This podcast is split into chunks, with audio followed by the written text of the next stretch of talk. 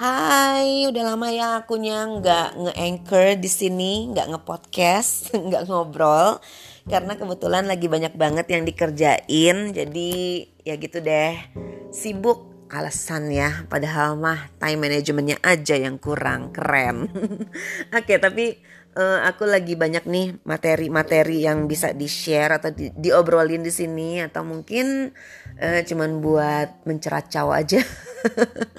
um, Sebulanan ini bulan Juli aku ketemu banyak banget orang-orang yang pengen bisnis. Jadi kan aku bikin iklan ya.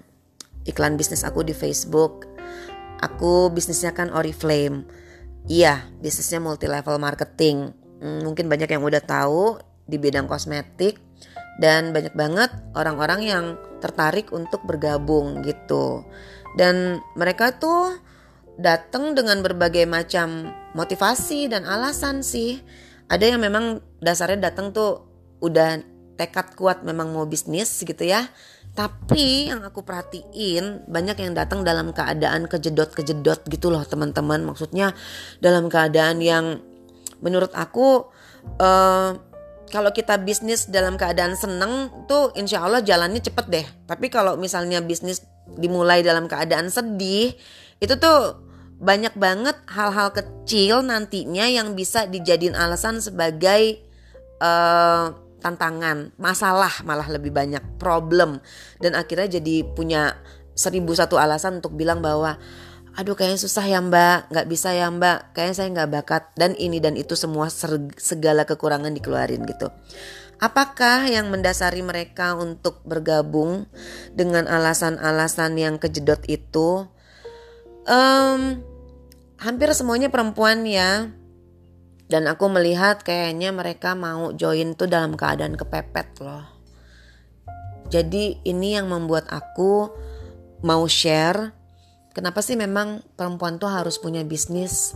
Supaya sebetulnya dalam keadaan kepepet kita nggak kayak orang yang kelimpungan gitu. Bingung pas kepepet baru nyari gitu ya Yuk kita mulai bahas ya. Kenapa sih perempuan mesti punya bisnis? Makasih banyak buat teman-teman yang datang para prospekan yang sudah memberikan aku insight sehingga akhirnya aku berkesimpulan bahwa perempuan itu memang harus punya bisnis karena bagi perempuan sebetulnya apalagi kalau dia adalah seorang istri nih terutama bisnis itu tidak menjadi hal utama tapi menjadi bisnis untuk jaga-jaga Nah, ini jaga-jaga dari apa?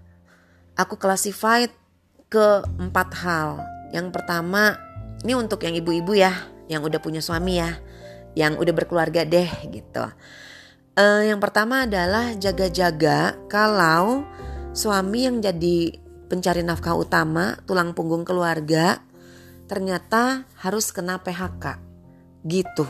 Ya, uh, biasanya kita setiap bulan dapetin uang bulanan dari suami, dari gajinya dia, dari kantor gitu. Terus ternyata kena PHK gitu.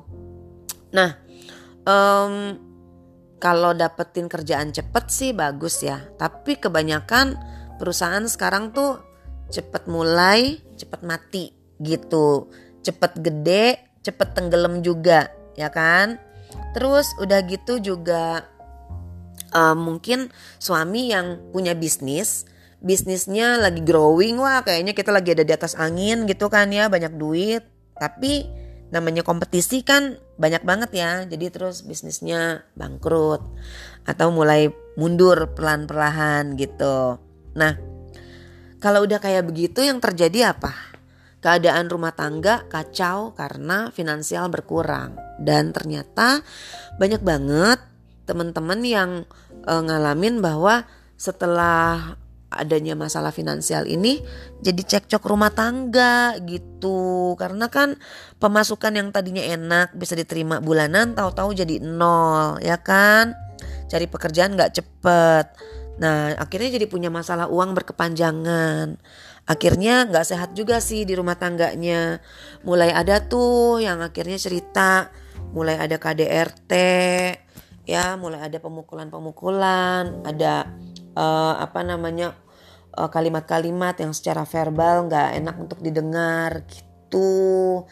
Nah iya sih bener hal-hal kecil yang tadinya kita nggak kepikiran gitu ya uh, pada saat kita lagi baik-baik aja bisa jadi masalah besar pada saat kita nggak punya yaitu uang. Jadi siapa bilang uang nggak penting ya kan? Itu satu bisnis jaga-jaga nah coba bayangin kalau misalnya si istri punya bisnis ketika suaminya jatuh istrinya bisa nopang walaupun mungkin nggak stabil tapi paling enggak bisa survive gitu. Itu alasan pertama karena suami kena PHK atau karena bisnisnya bangkrut. Nah lanjut alasan kedua nih yang bikin kenapa sih uh, istri sebaiknya punya bisnis yaitu jaga-jaga kalau-kalau suami sakit. Uh, kita nggak pernah tahu ya orang lagi sehat-sehat gitu ya pagi hari pamitan keluar rumah cari nafkah bawa kendaraan, mobil atau motor pergi ke kantor. Eh, ternyata siang hari atau sore hari kita dapat kabar bahwa suami kecelakaan. Ternyata uh, itu mengakibatkan suami eh, nggak uh, bisa kerja ya kan? Karena apa? Sakit kakinya patah gitu. Atau karena gaya hidup yang uh, tidak terlalu sehat mungkin ya dari pola makan gitu apa aja dimakan. Uh, pokoknya yang enak-enak dimakan sampai nggak inget kolesterol, nggak inget gula darah, nggak inget um, apa asam urat yang bakalan menjadi uh, apa namanya bakal uh, datang ke kita gitu ya namanya juga udah usia kan.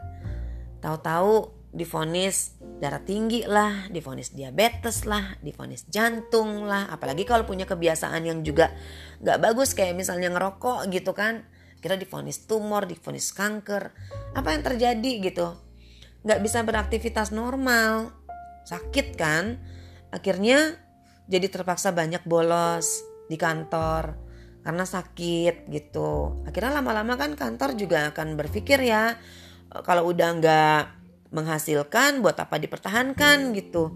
Bisa saja terjadi PHK dari situ karena kesehatan.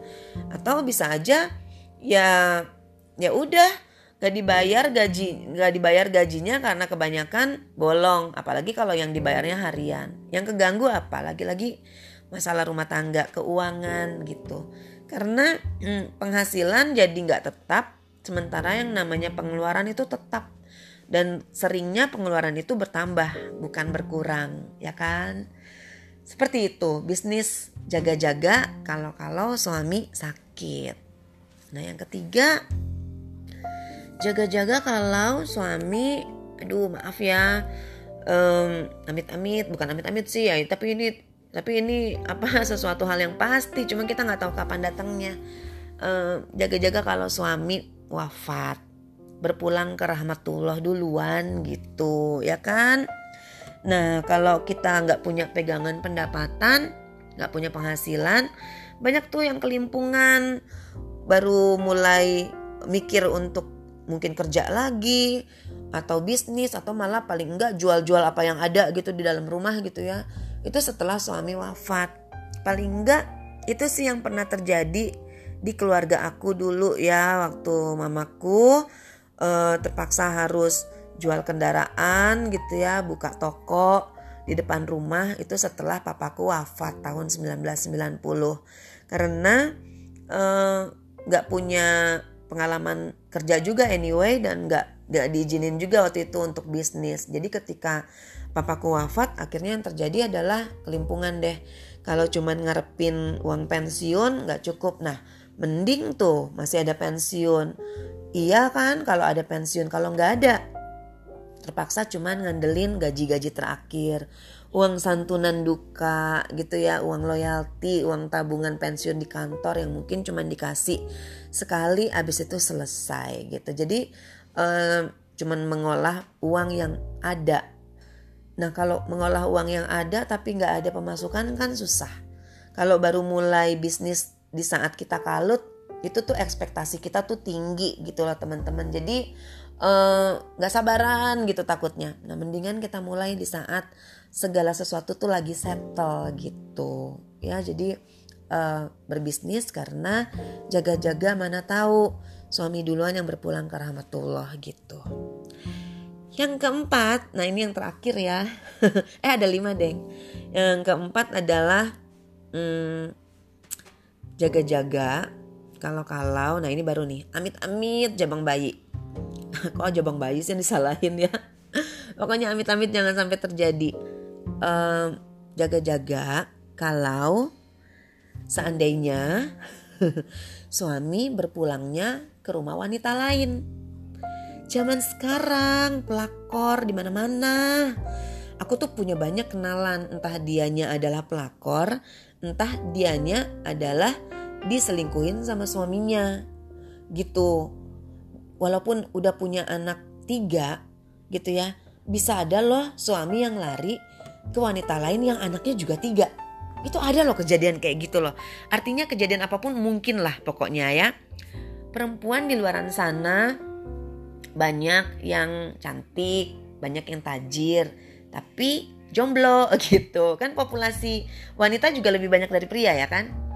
Uh, terus di sana di luaran sana mungkin juga bukan lihat dari tampang cantik ya, tapi perhatiannya lebih dari uh, kita gitu misalnya.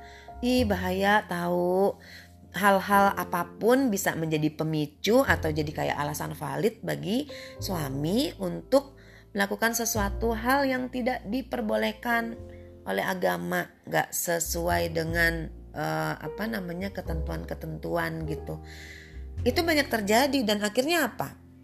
Kalau itu terjadi pada kita misalnya, banyak loh kenalan-kenalan aku yang terpaksa menerima kondisi tersebut. Gak ada sih yang mau nerima ya siapa juga gitu. Cuman uh, banyak pertimbangan juga kadang-kadang apalagi kalau udah punya anak dan kitanya nggak punya bisnis nggak punya penghasilan jadi benar-benar ngarepin suami di beberapa teman aku bilang bahwa ya il daripada uh, kalau gue cerai anak di mana gimana dong sekolahnya? Ini rumah juga yang nyicil suami. Mobil yang nyicil suami. Pulsa handphone gue aja dibayarin suami. Kalau misalnya uh, gue cerai gue dapat apa? Gitu. Bahkan ada yang rumahnya atas nama suami. Aduh teman-teman gitu loh. Jadi uh, benar kan ada bagusnya kalau kita punya bisnis. Bukan untuk melampaui apa yang suami berikan bukan juga untuk menginjak-injak atau merendahkan tapi untuk menjaga hal-hal yang tidak diinginkan terjadi gitu loh paling enggak bila mana terpaksa itu harus terjadi Cukup hati kita yang tersakiti, tapi tidak kantong kita, tidak anak-anak kita, tidak masa depan orang-orang yang kita cintai. Gitu teman-teman gitu. Jadi itu sih yang aku rangkum ya. Cuman kalau tambahannya kenapa wanita mesti berbisnis? Nah, kalau yang kelima bukan untuk jaga-jaga, tapi untuk kesenangan pribadi gitu. Kalau aku berbisnis murni karena akunya yang dulu kena PHK dan akunya udah biasa punya duit, suami juga punya penghasilan.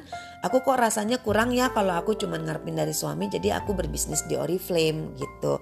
Tapi akhirnya malah suamiku yang ikut aku um, karena kita sering keliling dunia bareng harus terpaksa cutinya banyak.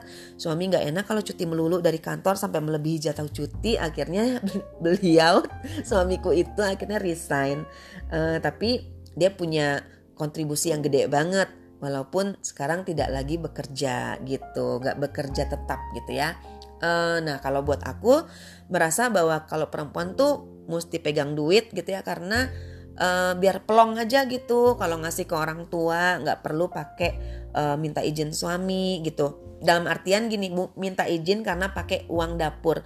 Kalau kita sebagai umat beragama mau ngasih orang tua ngasih tahu suami bahkan mungkin minta izin juga ya sah. Itu mah memang harus ya. E, walaupun uang sendiri aku pun sampai sekarang masih kayak begitu. Aku mau ngasih mamaku nih segini. Tapi at the same time aku juga bisa dong ngasih misalnya ke orang tuanya gitu. Jadi gak ada lah yang namanya percekcokan urusan finansial. Nah buat aku punya uang itu buat biar plong ngasih-ngasih. Terus biar juga nggak perlu ngerasa bersalah kalau aku beli-beli baju keseringan gitu ya beli sepatu gitu beli make up kebanyakan tuh nggak perlu merasa bersalah. Terus juga aku nggak ngerasa harus nunggu suami kalau misalnya anakku minta mainan minta makanan. Contohnya kalau si Fadlan tuh anakku seneng banget kan makan sushi. Kalau makan sushi melulu setiap hari kan um, bangkrut lah ya kalau duitnya belum banyak-banyak amat. Tapi kalau kita punya duit kita nggak perlu bilang bahwa nanti ya tunggu papa gajian gitu. Jadi buat buat seneng-seneng sih buat punya duit buat me time. Nah jadi itu yang aku dapetin dari aneka dialog ngobrol diskusi dengerin curhatan dengerin jeritan hati teman-teman aku dan juga para prospekan dan mengetahui kenapa mereka akhirnya memutuskan berbisnis. Dan banyak loh di antara mereka itu yang usianya tuh masih muda kelahiran 90 udah cerai gitu ya. Kelahiran 90-an suaminya udah meninggal.